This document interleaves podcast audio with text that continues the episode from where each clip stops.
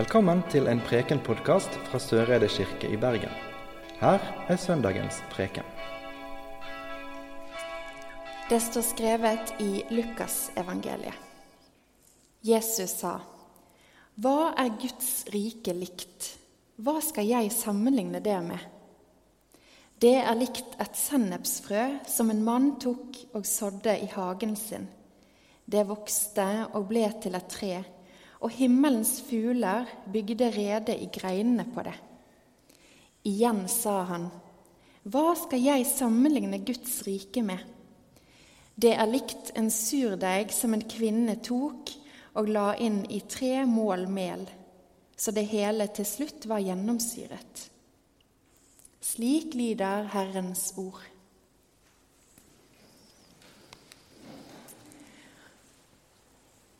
Nå er jeg litt spent.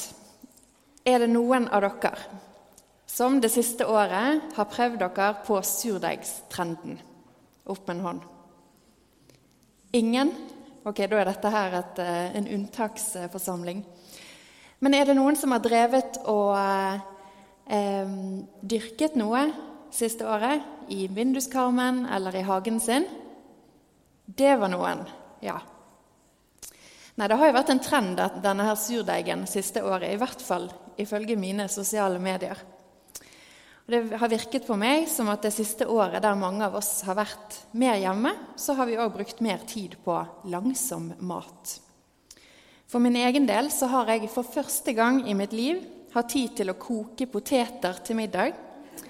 Og jeg har faktisk, ikke for å skryte, bakt litt brød. Ikke med surdeig, for det har jeg ikke tålmodigheten eller kunnskapen til. Jeg har brukt gjær og vært strålende fornøyd med egen innsats. Mat som tar litt lengre tid å lage, det er jo ofte ganske så godt. Men det krever tålmodighet og noen ganger hardt arbeid. Dagens prekentekst er ganske så kort, men med to bilder, eller lignelser, på hva Guds rike er. Når vi befinner oss i Lukasevangeliet og i alle Bibelens tekster, så må vi lese den teksten som del av den større, sammenhengende fortellingen. Og den større, sammenhengende fortellingen i Lukas den finner vi beskrevet i kapittel 4, der Jesus høytidelig proklamerer hva han er kommet til jorden for å gjøre. Dette kalles gjerne for Jesu programtale. Og hele Lukasevangeliet kan med fordel leses med denne talen som briller eller perspektiv. I Lukas 4, 18-19 så leser Jesus disse ordene om seg sjøl. Herrens ånd er over meg, for han har salvet meg til å forkynne et godt budskap for fattige. Han har sendt meg for å rope ut at fanger skal få frihet, og blinde får synet igjen, for å sette undertrykte fri og rope ut et nådens år fra Herren. Tilbake til dagens tekst så bruker Jesus to bilder for å svare på sitt eget spørsmål. Hva skal jeg sammenligne Guds rike med? Jesus bruker ikke erfaringer og bilder forbeholdt den rike eliten når han skal beskrive Guds rike. Han bruker heller ikke bilder fra det gylne tempelet, stedet der menneskene dro for å møte Gud. Han bruker i stedet bilder fra det palestinske landsbylivet. Lignelsene viser Guds rike, der en mann sår sennepskorn i hagen sin, og en kvinne som baker surdeigsbrød. Dette er helt hverdagslige, allmenne bilder som forteller at Guds rike vokser fram midt i livet, i hverdagen, i hagen og på kjøkkenbenken. Guds rike er kommet nært og vokser midt iblant oss. Og mellom oss som fellesskap.